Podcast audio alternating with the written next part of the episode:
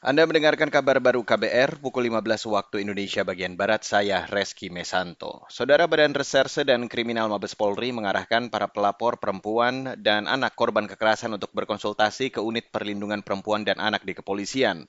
Kepala Unit Perlindungan Perempuan dan Anak di Baris Krim Polri, Emma Rahmawati mengatakan, Konsultasi dimaksudkan untuk menilai kebutuhan dan pendampingan sebelum melakukan laporan resmi tentang dugaan kasus kekerasan yang dialami korban.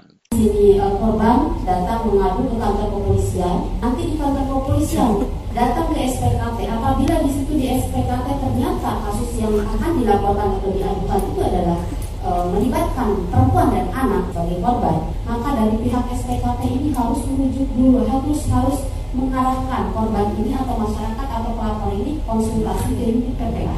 Apa tujuannya dikonsultasikan di unit PPA? Bahwa ada kewajiban dari kita untuk mengasesmen kebutuhan. Kepala Unit Perlindungan Perempuan dan Anak atau PPA di Baris Krim Polri, Emma Rahmawati menambahkan, unit PPA akan mendalami kebutuhan yang mendesak bagi pelapor atau korban. Selain itu, unit PPA dan dapat menganalisis terkait undang-undang atau pasal yang dapat diterapkan dalam proses penyelidikan kepolisian. Adapun jumlah PPA Polri saat ini berjumlah sekitar 500-an unit yang tersebar di Polres-Polres di daerah. Beralih ke berita selanjutnya, Saudara. Komisi Bidang Hukum DPR RI mendorong dilakukannya revisi terhadap Undang-Undang Nomor 35 Tahun 2009 tentang narkotika. Anggota Komisi Hukum DPR RI, Johan Budi menilai, terdapat sejumlah pasal bermasalah yang berpotensi menimbulkan multitafsir berkaitan dengan status seseorang yang terlibat narkoba, meliputi status pengguna, pengedar maupun perantara. Dan ini juga saya dengar bisik-bisik Pak Petrus, itu juga jadi lahan juga buat aparat untuk memainkan gitu ya.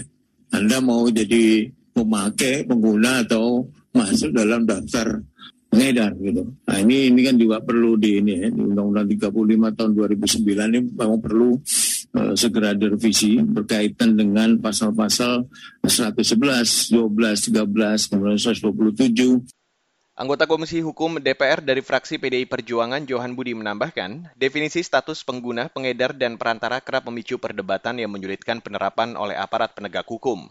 Karena itu perlu ada penyempurnaan pada penjelasan dalam Undang-Undang Narkotika.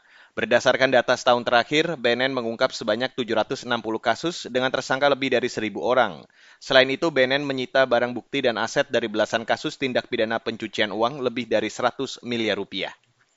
Saudara para atlet badminton Indonesia kembali ke pusat pelatihan nasional atau Pelatnas PBSI di Cipayung, Jakarta Timur. Mereka menjalani tes kesehatan terlebih dahulu sebelum melakukan latihan rutin. Tes kesehatan dilakukan usai para atlet mengalami perubahan jadwal dan latihan selama periode liburan sejak pertengahan bulan lalu.